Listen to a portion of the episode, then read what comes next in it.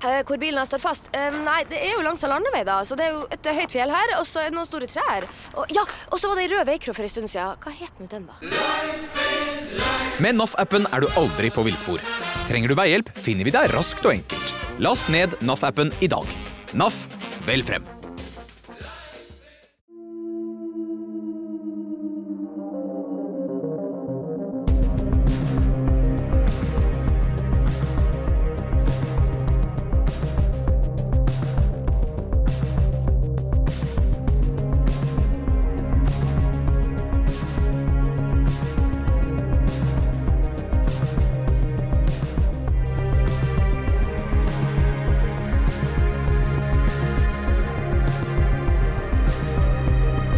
Ny podkast. Det er koronatid. Vi er isolert. Eller vi er jo sammen, da. Men Ja, vi, det uroer meg litt faktisk, at jeg sitter sitte i samme rom som deg, men eh, vi er på kontoret i vårt uh, hjemmesnekra studio. ja. Det er jo litt spesielt. Ja, nå skal vi prate med en kar, Øyvind Olsen. Og han sitter langt ifra oss, men eh, vi skal prøve å få tak i han på telefon. Hvem er Øyvind Olsen? Du, Øyvind Olsen er jo en eh, politi, tidligere politimann som eh, har eh, vært med på veldig mye. Altså, det var han som introduserte Cappelen for Eirik Jensen den gangen. og Rekrutterte han som Cappelen som informant. Uh, han har vært med på mange spennende saker i Norge, men han har også hatt en uh, utrolig fascinerende karriere i utlandet. Han har jobbet i mange land i, uh, i FN-systemet. og og vært i Afghanistan og vært i Rwanda og, og eh, opplevd mye. Så jeg, jeg gleder meg skikkelig til å høre han fortelle om de tingene, da. Ja, han har jo gitt ut en bok som jeg likte veldig godt, eh, der han eh, har noen veldig spennende historier. Og så har han, jobber han med en ny bok, hvor jeg faktisk eh, fikk tilbud om å være konsulent på det manuset. Så jeg leste det og kom tilbake med litt eh, ja, jeg var jo litt kritisk, eh, som en konsulent skal være, faktisk. Det er bare sånn det er, så håper ikke han er sur på meg pga. de tilbakemeldingene. Nei, vi får ringe og høre. Vi får ringe og høre. Hallo. Åssen er lyden? Kan du høre oss? Jeg kan høre deg langt bak, liksom. Ja, vi driver og roter litt med teknologien her, for vi skal jo prøve å ta opp dette her. Men eh, ok. Um, du, vi, eh, denne podden er jo en podkast hvor vi eh, bare setter oss ned med folk vi syns er interessante, og som vi tenker har gode historier å fortelle. Og eh, jeg kan jo godt tenke meg at du har mange spennende historier å fortelle. For jeg har jo lest mye av det du har skrevet. Jeg ble jo til og med hyra inn som konsulent på det siste manuset ditt. Ja da, ja. Se- vi har sett kommentarene dine. og Det det er det vi har begynt å jobbe med, skjønner du. Men så ble det så mye mas med dette Jeg var nede i Spania og mye mas med Eller Beirut først, da, og så i Spania. Så jeg har ikke fått gjort så mye med det, men jeg, tok eh, et par av de viktige poengene dine. Jeg gjorde det. Ja, Så bra, da. Du ble ikke grinete på meg. Nei da. nei. Ja, Det er godt å høre. Men eh, det var jo ikke det vi skulle snakke om. Vi, eh, vi er jo veldig interessert i å høre om karrieren din, selvfølgelig. Og alle de eh, spennende tingene som du har vært med på oppimellom. Så jeg tenkte, skal vi gå ganske langt tilbake, eller? For du jobba jo med spaning i Oslo-politiet. Ja. eh, Men Når startet du med det, egentlig? er du tilbake til jeg var på narkotikaseksjonen, da, eller? Ja, jeg tror vi må starte helt der, for det var vel der eh, alt startet, var det ikke det da? Ja, jeg var jo tidligere på hundepatruljen og i ordensavdelingen og havnepolitiet og sånn, før jeg begynte på krimmen i, i 83, da på narkotikaseksjonen som etterforsker. Kan ikke du fortelle om første, første vakt i ordenspatruljen? Og Det var tilbake i 1966, det da. Jeg eh, begynte som politiaspirant i Oslo og fikk eh, utlevert en uniform. og Etter seks ukers eh, kurs var det ut i gata og ut i bil. Hvordan var det, da? Ja, Det var jo veldig spennende det, vet du, for en Stavanger-gutt som kom inn til hovedstaden og skulle lære folka løsgjengerne i folkeskikk. ikke sant? Det, det var en prøvelse, det, for de forsto jo ikke hva du sa pga. dialekten. da. Så, men jeg det kom jo godt ut av det. Da fikk jo mange artige bekjentskaper i det løsgjengermiljøet som eh, var det vi sleit med den gangen. da. Jeg har jo lest den boka di, og da beskriver du jo hvordan politiet eh, gikk frem i møte med de bråkmakerne ute på gata. Ja, det var mye ordnet på stedet, det, vet du. Ja, hva betyr det? OPS skrev i loggen, det betyr ordnet på stedet. Det var du tok en avgjørelse der og da på eh, Du ga personen en reprimande og fortalte hvordan han skulle forholde seg, og, sendte den hjem eller, eller et annet sted hvor en ikke gjorde så mye ugagn som akkurat rundt rådhus, trappa og disse stedene der, hvor de holdt til mye da på den tiden. Det minner meg om uh, faren min som fortalte fra tidlig i karrieren hans, hvor han var jeg var det Møllergata 19 da. Hvor disse gamle gutta sto i vakta der og kom inn med en uh, som hadde gjort et eller annet gærent, og så fikk seg en skikkelig ørefik. Så sa han til han som hadde fått ørefiken, 'Vedtar de'? ja, ja. og da han sa ja, ikke sant, da ble det liksom sirlig skrevet i loggen. Én ørevinge utdelt på stedet. Ja, jeg, vi hadde jo en på, jeg var på Vika, jeg Pippervika politistasjon. og Der hadde vi òg en vakthavn. Vi brakte inn folk, så, så smalt den til dem. Eh. og det var, en, det var, en, som snudde andre kinnet til, da, så smalt den der òg, da. og så skrev han en rapport på seg sjøl i vaktjournalen. Fantastisk. Det, det, hadde ikke gått i dag. Det hadde ikke gått i dag. Ja, Vi hadde jo gamle Sørlands-Hansen. Han var jo et fenomen. da Han var vel kjent over hele Norges land etter hvert. og han, eh, han slo jo en kar ned i vakta der og reiste den opp fra gulvet igjen. Og børsta støv av han og sendte den hjem med følgende ord at han fikk gå hjem og lære seg å oppføre seg, så kunne han komme tilbake og bli en god konstabel. ja, det var liksom litt andre tider. Det var mye artig i sånne episoder, ja. Men hvordan var det for deg da å kjøre patrulje? Kan du huske tilbake om det var noen spesielle episoder som du husker veldig godt? Ja, i patrulje Ja, det var jo Altså, du kom jo over de forskjelligste episoder, da. Fra drap til eh, slagsmål i heimen ikke sant, mellom mann og kone. De var det jo mye av. Eh, husbråk, som vi kalte det.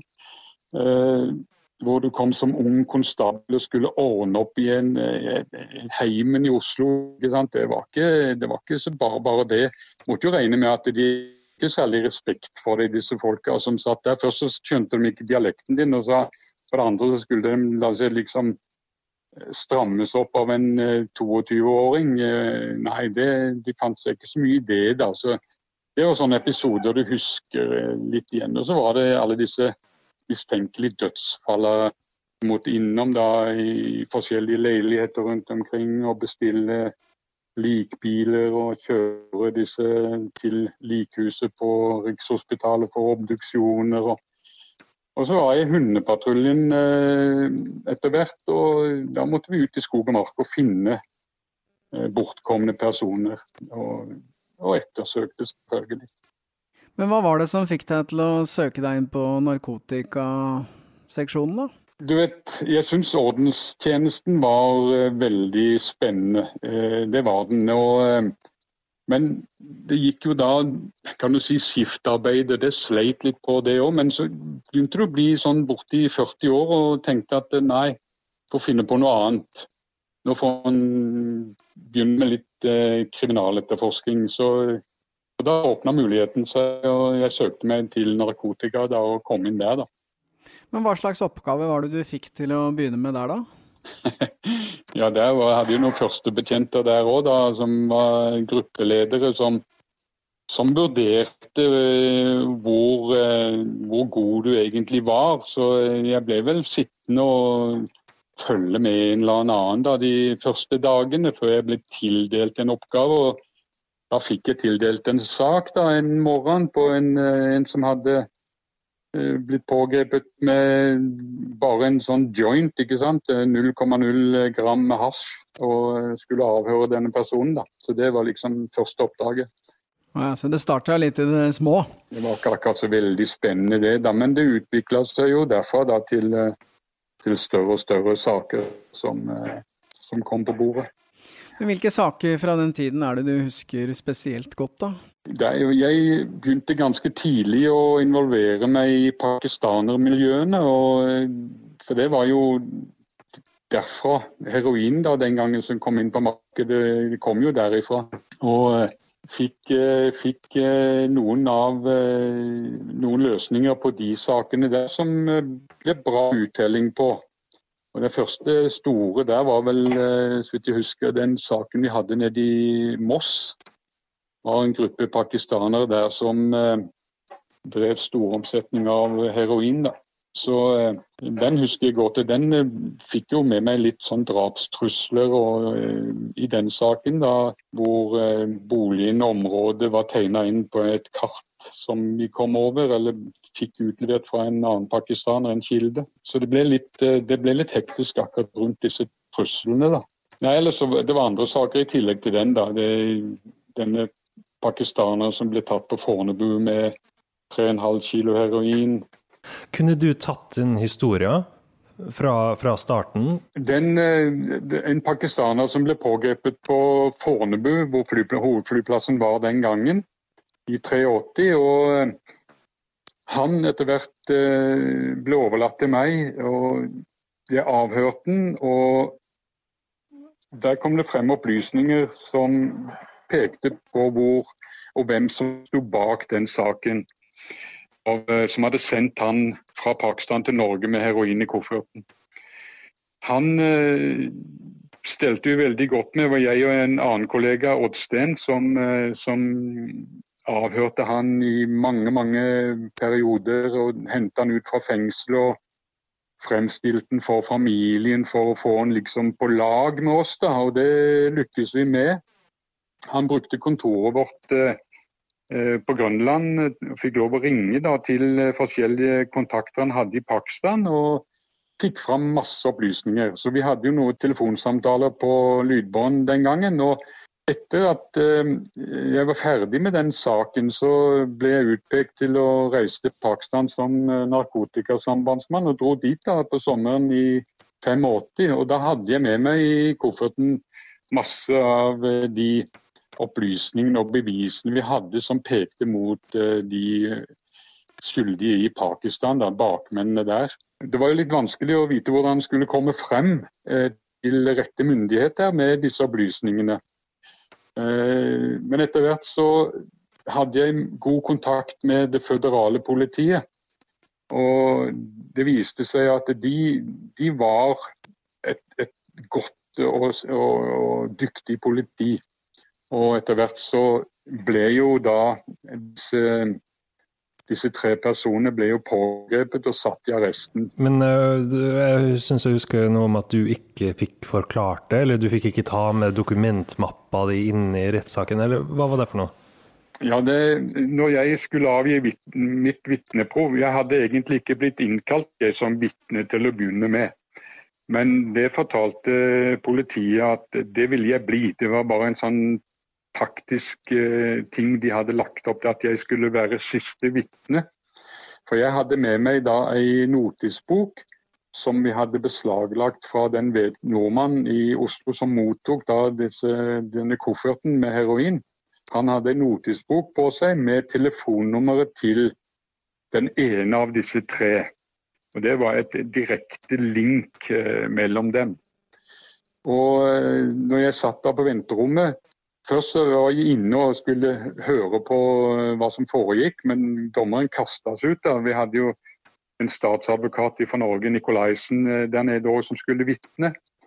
Og uh, så Jeg satt på venterommet og så fikk jeg bare beskjed av den ene prosekutoren, som den ene aktoren, om å komme inn. Så sa jeg nei, nei, jeg er ikke innkalt, sa jeg.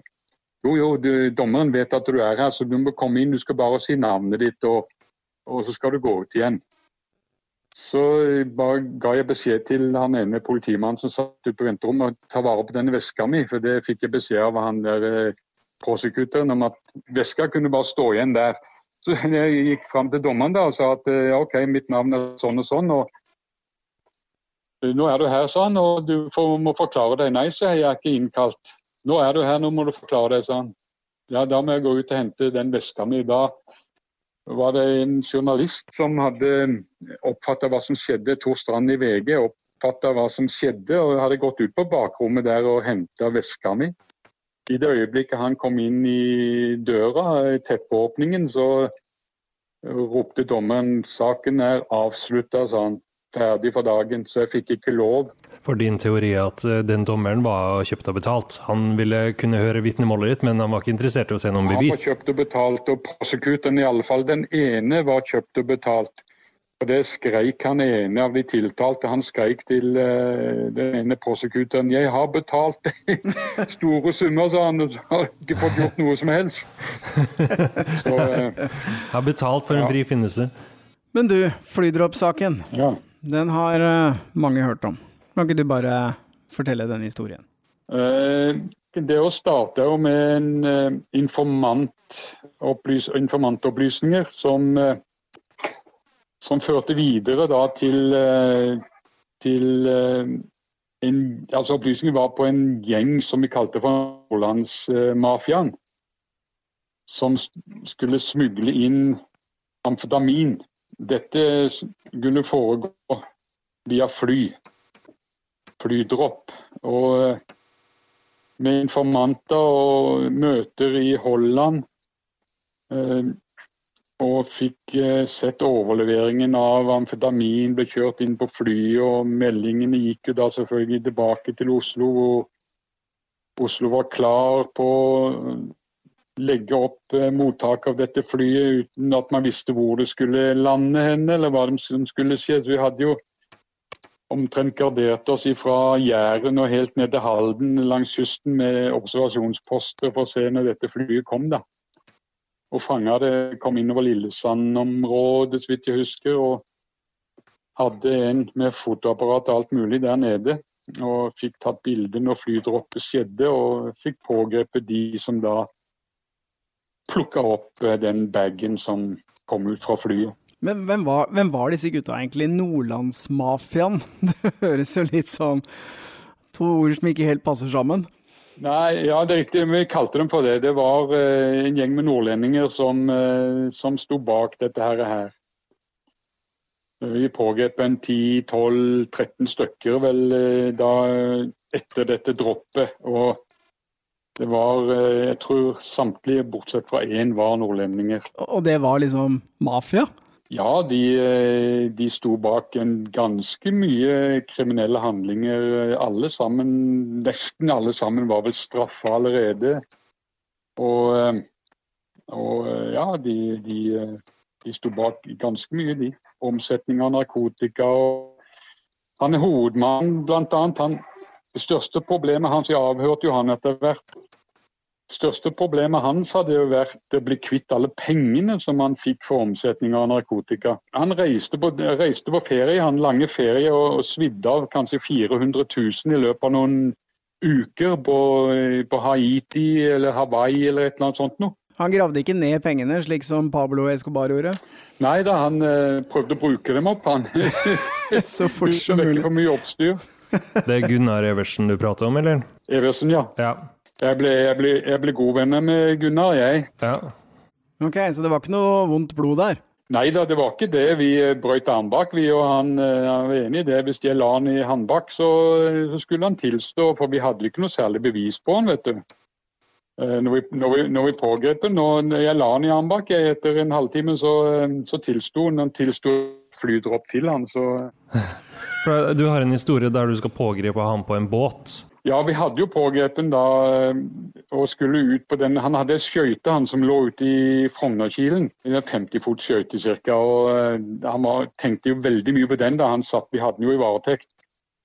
Den, for den lakk, og den kunne synke, og det så vi jo. Den lå jo med rumpa ganske nede under vann da. Når vi kom ned der, så vi kjørte ut med havnepolitiet, tok med oss eh, Gunnar ut og eh, slapp den om bord i skøyta si og følte fotfølten rundt der da, mens han starta opp eh, pumpeaggregater og fikk tømt den for, eh, for vann. da. Og Det satte han jo veldig pris på, at vi, vi, lot den få lov til det. da. Men vi tenkte jo veldig da vi slapp den inn i skøyta. Han kunne jo hatt flere maskingevær der rundt omkring og ene med det andre, han. Men eh, han hadde ikke det da. Og han kunne fyrt opp motoren og bare stukket av? Nei, nei det, var, det, var, litt vanskelig. Da måtte han svømme. Vi hadde, vi den i håndjern til vi starta opp eh, havnepolitiets eh, båt og tok av en håndjern når vi var i, i, båten. Så han måtte i tilfelle ha svømt, så han hadde noen sjanse til det. Han var til å stole på til den grad når han sa hva han skulle gjøre, så gjorde han det. Det var, eh, ja, det, det, det inntrykket fikk han. Han sa hva han ville og sa hva han lovte, og det, det holdt han. Det som vi ser eh, i mediene nå i etterkant, eh, er jo at han Gunnar der drar opp to ganske interessante navn som kan knyttes til den flydroppsaken. Eirik Jensen og Gjermund Cappelen. Ja. Og han hevder jo å ha blitt lokka i en felle. Ja. ja. Kan du fortelle litt om, om Cappelens rolle i den saken her? Jeg veit ikke om jeg kan det, for eh, nå er det vel kommet fram så mye i retten nå i denne Jensen Cappelen-saken om den flydroppsaken og, og Cappelen og, og, sånne ting. Men jeg vet ikke helt hvor mye som har kommet fram. Da, så jeg vet ikke om jeg kan si så mye om det. jeg. Ok, Men det du kan kanskje fortelle, var det ikke du kjente vel Gjermund Cappelen, eller Torud som han het den gangen, før han ble kjent med Erik Jensen? Ja det, det, er jeg helt klar på at det, det, det var jeg. jeg Cappelen eh, ble pågrepet i en sak som eh, vi spana rundt i Oslo. Så pågrep vi ham like etter at han har avlevert noe amfetamin nede på, på Radisson eh, ved Oslo City der. Under avhøret da som jeg foretok av den, så, så var han enig da etter hvert og ville bli informant og hadde opplysninger å komme med. For det, jeg fikk inntrykk av det verste han visste, det var å bli satt inn. Og, eh, så han starta opp da som, eh, som, informant den gangen og var veldig aktiv med masse opplysninger. Nå var det ikke alltid alle opplysningene førte fram til noe som helst, men det krevde i alle fall mye kontakt med en, og det hadde jeg bare rett og slett ikke tid til da. Eh, og fikk Jensen da fikk kalt inn Jensen og, og spurt om ikke han kunne ta over hans, den direkte kontakten med han som informant. Og Det gjorde jo Eirik da. Vi hadde flere møter sammen med Cappelen til å begynne med, eller Toru da den gangen. Og eh, etter hvert så reiste jo jeg eh, Så kom jo denne flydroppsaken ut på høsten der, så den ble veldig mye opptatt med. Eh, i, i, desember samme året så, så, reiste jeg til Jugoslavia for FN. Så jeg ble jo borte da med den kontakten med Cappelen. Så Erik Jensen tok jo helt over han da fra tidligere på høsten. da. Men hvordan oppfatta du egentlig han Cappelen den gangen? da? Var, det, var, han liksom en troverdig type, eller var det en fyr som jugde mye, eller?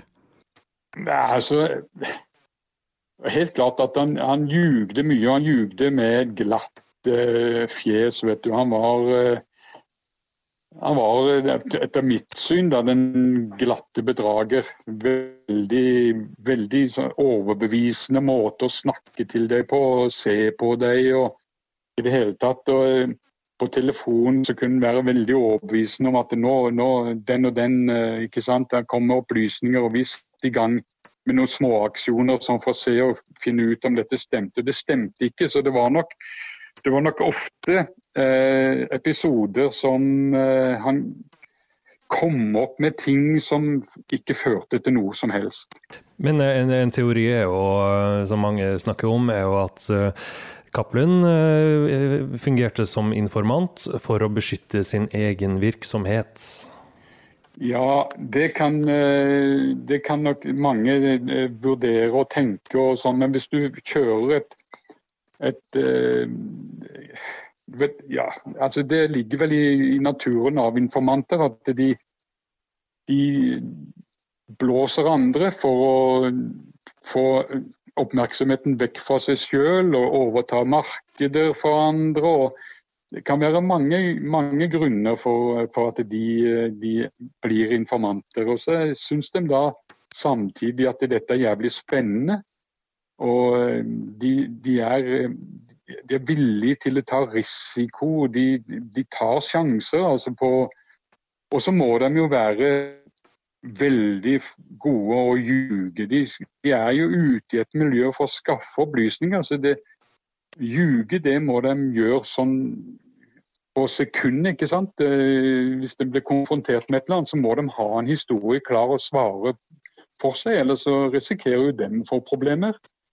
Så um, Løgn ligger nok veldig mye der, har jeg sett på mange informanter. Det er, det er eh, i alle fall de informanter, ikke den vanlige som sitter nede på Karl Johans gate og er drøgga helt. Da. Men hvis du kommer litt opp et nivå, så, så har de eh, en attitude som, som, gjør at de blir trudd. Altså. De blir trudd veldig lett. Jeg tror ikke han Cappelen har importert alle disse tonna. Det er helt umulig. Fordi det er, Eirik Jensen kunne ikke stoppe alle de informasjonene om denne Cappelens omsetning. Det er helt umulig, det. Ok, Så du tror Cappelen skryter på seg her nå? Ja, det er klart han gjør det. Han, han lå jo an til å få maksstraff uansett han i den oppvaringssaken med gjentagelser, ikke sant. Så eneste veien for han er jo å snakke på seg tonn og dra på Jensen inn i denne saken. her. Sånn. Og det fikk han jo liksom en sånn skolisse på det, da.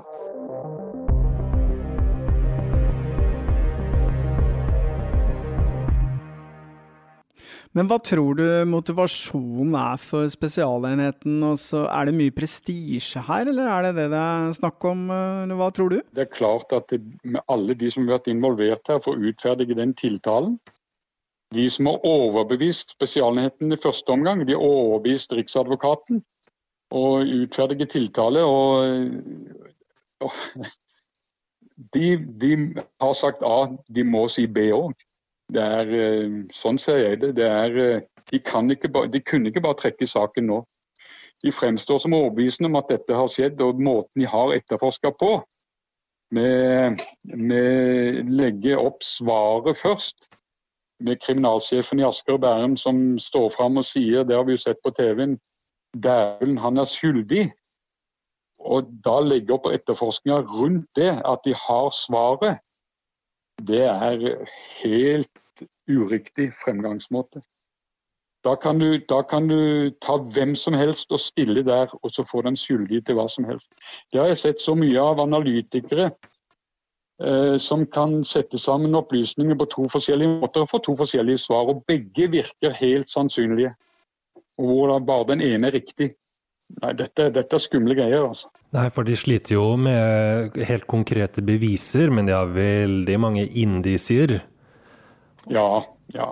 Og dette med Eirik Jensen har, han har gjort hva han har kunnet med informanter. Han har prøvd å holde dem hemmelige, han har prøvd å beskytte dem. og, og hatt, Du kan kalle det kodespråk og blomsterspråk og hva du vil, men i alle fall gjort et forsøk på at de holder noe språk som ikke blir gjenkjent av andre. og Det har vært helt sikkert mye dagligdagse taler òg her i disse meldingene vi har sett eh, mellom dem. De har jo hatt såpass mye kontakt som ikke skulle ha skjedd. Det kan man jo si. Den kontakten Erik Jensen har hatt med Cappelen, den skulle ikke ha gått så langt. og Det tror jeg nok han erkjenner sjøl òg.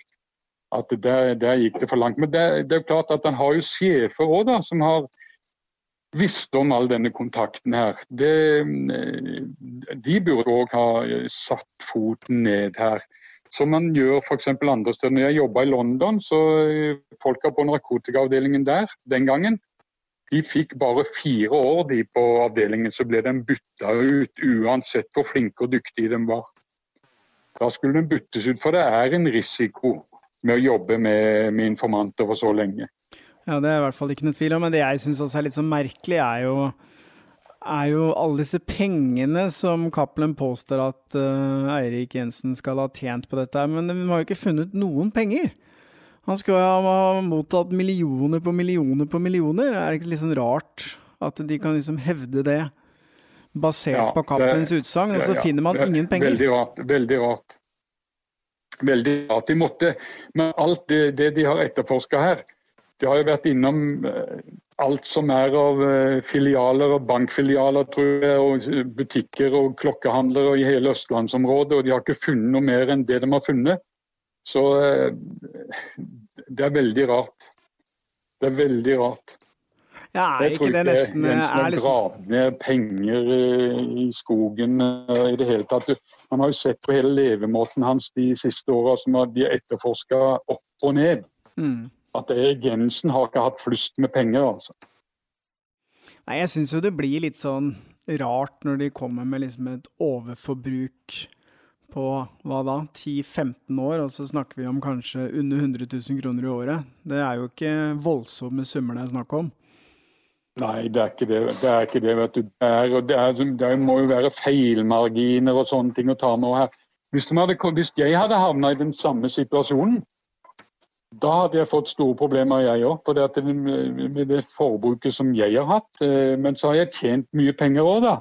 På alle mulige ting i både politiet og overtid og i FN og masse, masse Så jeg ville i alle fall få problemer. Se på Olsen, han kjører en Porsche Cayenne, ikke sant. Ja. Hvor har han fått penger til den ifra? Skal vi ringe og spørre? Og så, har- og, og så har jeg syv bad. Fy faen, får ikke snakke om det, da. Har du fått de pussa opp? Ja, ikke sant? Men, og jeg vet hva et bad koster å pusse opp, for det har jeg gjort mye ofte. Ja, det er, Nei, det er ikke billig, det. Det er, er eh, Uff a meg, det er horribelt. Det er Stakkars Erik Jensen. Men eh, Øyvind, du har jo eh, jobbet mye i utlandet. Du har jobbet mye i FN-systemet og vært med på mye spennende. Kan du ikke fortelle litt om det?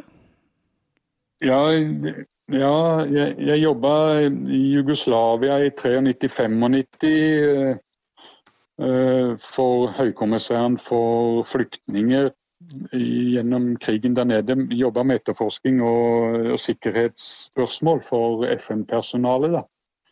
Og så jobba jeg i Rwanda i fire år for Den internasjonale krigsforbryterdomstolen. Um, som eh, etter hvert som direktør for etterforskninga der. Eh, så var jeg nark narkotikasambandsmann i Pakistan og i England ved Scotland Yard eh, i nesten fem år til sammen. Og så var jeg i eh, i Afghanistan, etterforska massedrap der i 99. Da ble jeg satt inn i, Taliban-fengsel. Du ble satt inn av Taliban. det må vi høre om. Fortell, hva skjedde? Ja. Jeg jobba for høykommissæren for menneskerettigheter. Fikk forespørsel om å være med i et lite team på fire for å undersøke opplysninger de hadde om massedrap ved to anledninger i Afghanistan i 98 og 97. Eh, hvor Taliban hadde fått eh, drept 10 000 av de Northern Alliance people, og året etterpå så kom Taliban tilbake og drepte 6000-7000 av de andre. Så vi reiste inn, vi hadde tillatelse, og Taliban hadde FN ordna med at vi kunne komme og etterforske. Nå var det sånn eh, altså Taliban hadde jo ikke ambassade rundt omkring annet enn i Islamabad. Så vi satt jo i Islamabad og ja, de hadde et par andre steder òg. Men i Islamabad ble vi sittende og vente på et visum for lov å reise inn. Det kom aldri. Så hadde det seg sånn at FN hadde en operasjoner gående inne i Afghanistan. Og, eh, men de hadde begrensa eh, mannskapene ned til under ti. fordi at dette flyet FN-flyet som kunne fly dem ut, de hadde ikke mer enn ti seter. og det, Den kapasiteten kunne de ikke overskride for i tilfelle de måtte inn evakuere disse ti personene. Da, eller åtte, tror jeg det var. Okay. Flyveren, en danske som jeg hadde mye, hadde mye gjort med i Rwanda.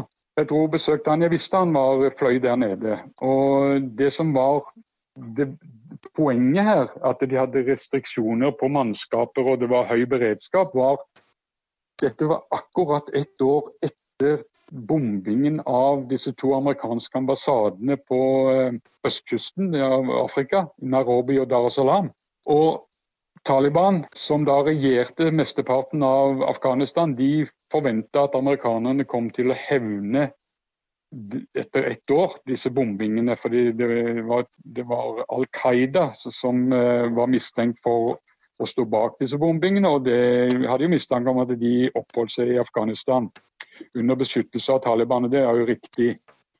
Så jeg snakka med han flyveren, da. Så han sa at eh, nei, jeg kan fly dere inn, jeg sa, for jeg skal inn der med noen motordeler i morgen, sa han, inn til Kandahar. Så jeg kan ta dere med. Ja, men fader, vi kom ikke ut av flyplassen i Islamabad uten, vi, uten visum i passet. Jeg blir med meg, sa han, for det er det jeg kjenner bakveiene. Så ble vi med han, da. Og jeg og en kollega. Og satt på med det lille flyet da. Han slapp oss av i Kandahar. Og vi hadde sånne kortbølgeradio. Vi snakka med et par lokale sjåfører der nede som kom på flyplassen og henta oss. Og dro rett i et møte med innenriksministeren. Og så sier han at i morgen tidlig så går dere på politistasjonen og ordner med visum. Han, de visste, vi hadde, visste allerede at vi hadde kommet ulovlig inn i landet. Så vi dro på politistasjonen da neste morgen med slips og dress og greier. vet du, og og ble bare bedt om å sitte på gulvet der. Da hadde ikke de vanligvis noen stoler, da, så vi satt jo vanligvis på gulvet. Men det som var det merkelige, de kom ikke med noe te til oss, for det var de jo veldig gjestfrie på alltid å gi oss te. Ja. Ingen te. Vi satt et par timer på ræva der på gulvet da, vet du, og, og, mens de diskuterte fram og tilbake. Et sånt panel da, av, av Taliban-soldater. Så ble det bare gitt en beskjed da, og han kollegaen jeg hadde med meg der, han, en sveitser, han, eh, han, kunne jo språket, han, for han hadde jobba i Afghanistan fire år før, noen år tidligere. Så han skjønte hva de sa. Han fortalte meg da stille og rolig at vi har problemer. sa han. Og da Like etterpå så kom to stykker da med Kalasjnikov og bare kommanderte oss opp og fremad marsj. Så ble vi marsjerende nedover gata eh, til et fengsel, så ble vi putta inn der. da. Ja, hvor lenge ble du sittende der, da? Jeg ble sittende tre netter, da, bortimot fire dager satt vi der. og Mat fikk jo, fikk jo fangen fra slektninger som møtte opp der på døra hver dag med pakker med mat til dem. Og eh, vi hadde jo ikke slektninger der nede, vi. Så, så det ble ikke noe mat? ja.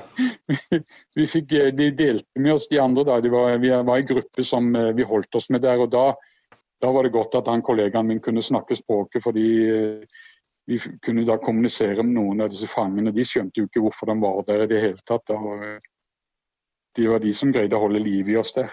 Og da endelig, så etter tre dager, da, fire dager, så hadde FN i Islamabad For sjåførene så jo at vi ble tatt, da.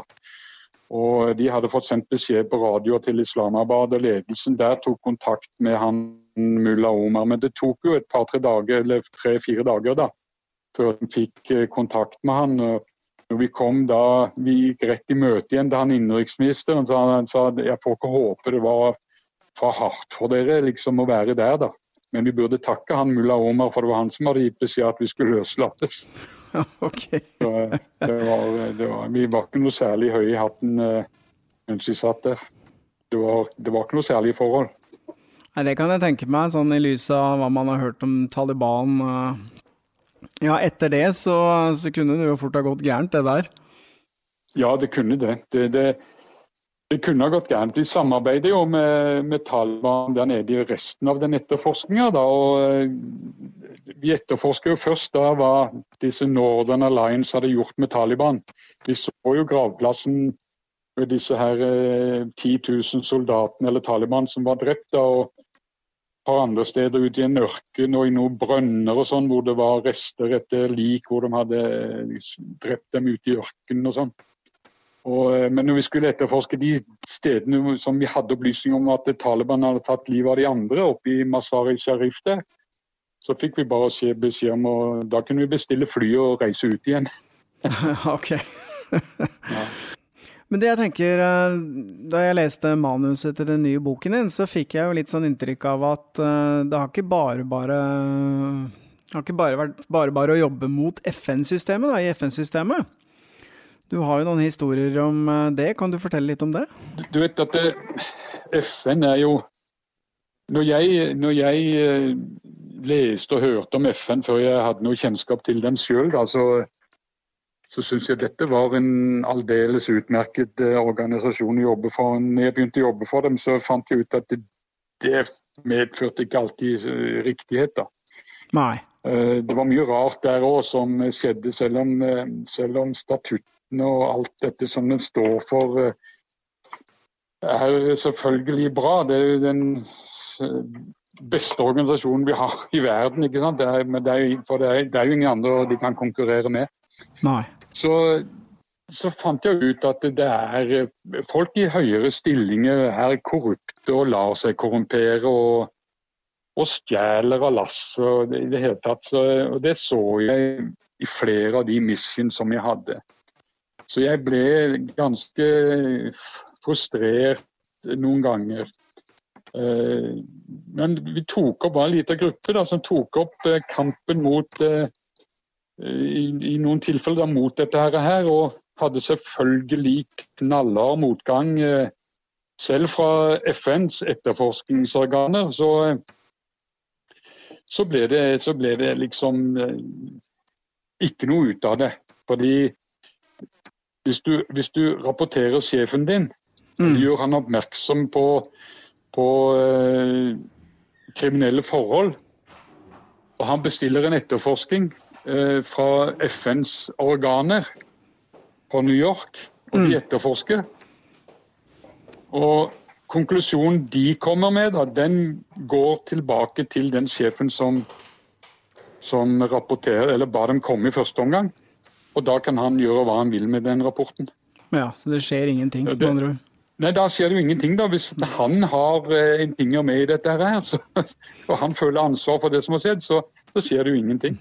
Men, eh, men liksom etter å ha opplevd alle disse tingene i FN-systemet, hva, hva, tenker du om FN i dag, liksom? Er det er det for korrupt, eller er det fortsatt håp?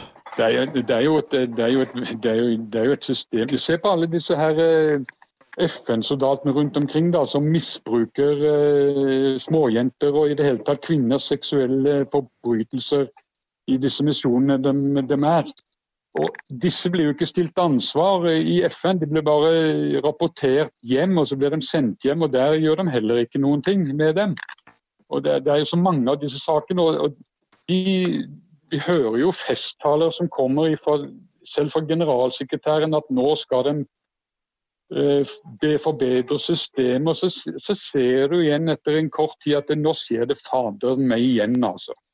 Så det, det, det, er et så stort og så tungvint, seigt system at å få gjort noe med det sånn over natta, det er veldig vanskelig. Og så er det sånn at det, du har du, det oppdager når du er ute i felten og jobber, at eh, de som har noe på hverandre, de jobber tre, innenfor trekanter i hele, hele, systemet.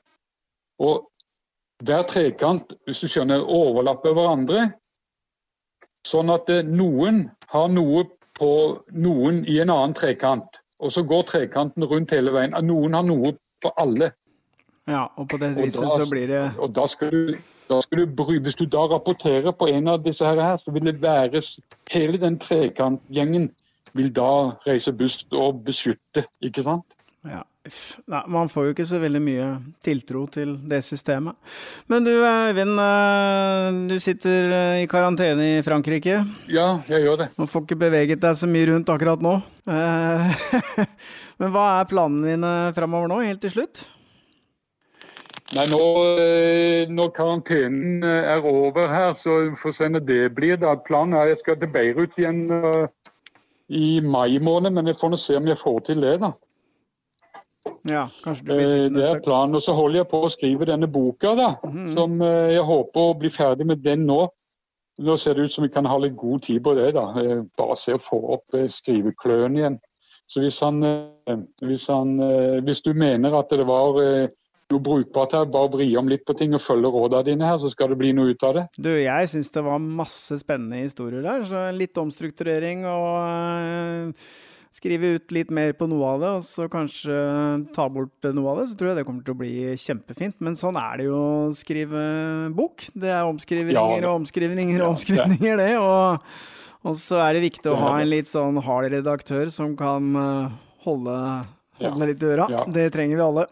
Ja, vi får se. Men jeg hadde òg tenkt å slå sammen den første boka, ta ut noen sånne historier fra den første og slå sammen med denne her, sånn den blir, blir mer full guffe med FN i hele boka. Ja, jeg tror det kan være en god idé, faktisk. For det er jo kjempespennende historier. Men du, hvis du trenger en kritisk eh, leser, eh, så, eh, så er det bare å sende det over. Er du klar? Nei, så er jeg klar. det er bare gøy. Du får, du får lese høyt for, eh, for faren din, da. Ja, jeg skal gjøre det.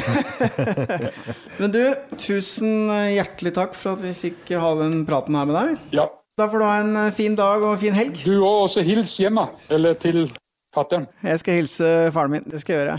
Ha det godt, da. Ha det. I like måte. Hei, hei, hei. hei. Hei, hei. Det er jo uh, veldig fascinerende liv, da. Han har jo eh, opplevd det meste. Han har jo opplevd masse spennende i Norge som politimann.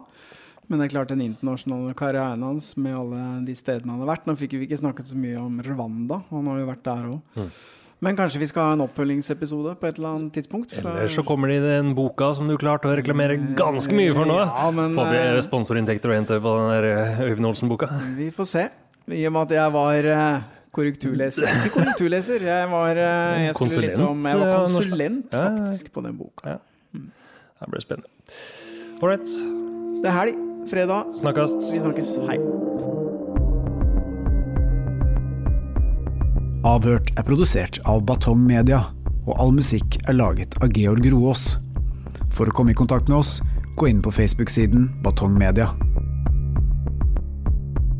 Hvis du vil høre flere eksklusive episoder av Avhørt, så gå inn på podmy.no, eller last ned appen Podme.